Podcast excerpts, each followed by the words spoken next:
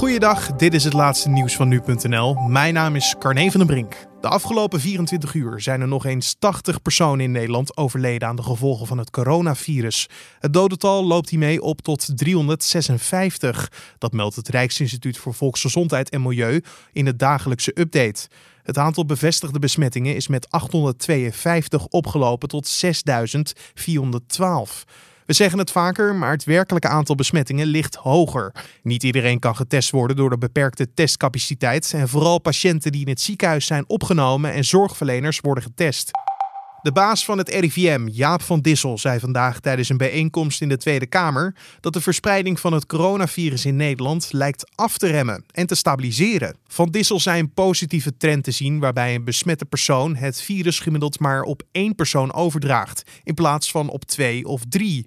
Wel benadrukte hij dat het om schattingen gaat. Diederik Gommers, voorzitter van de Nederlandse Vereniging voor Intensive Care, zei tijdens de bijeenkomst dat er een tekort aan plekken op de intensive care afdelingen dreigt. Hij verwacht dat er op 1 april 1600 bedden nodig zijn, terwijl op dit moment 1150 bedden beschikbaar zijn.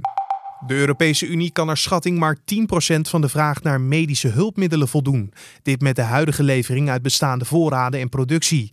Dat blijkt uit een intern document in handen van persbureau Reuters.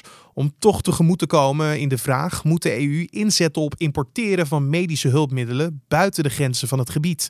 Er is een groot tekort aan persoonlijke beschermingsmiddelen en andere medische hulpmiddelen zoals beademingsapparaten. In het document dat door de Europese Commissie is verstuurd wordt de beschikbaarheid van deze hulpmiddelen als zorgwekkend beschreven.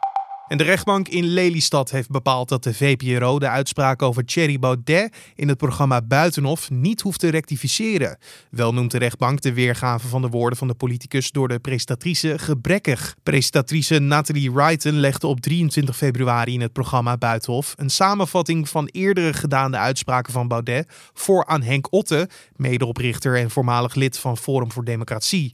Volgens de presentatrice sprak de partijleider in een debat van een vooropgezet plan van de Europese Unie om het blanke Europese ras te vervangen door Afrikaanse migranten. Volgens Baudet was deze samenvatting niet juist en vroeg om een rectificatie, maar dat hoeft dus niet. En tot zover de nieuwsupdate van nu.nl.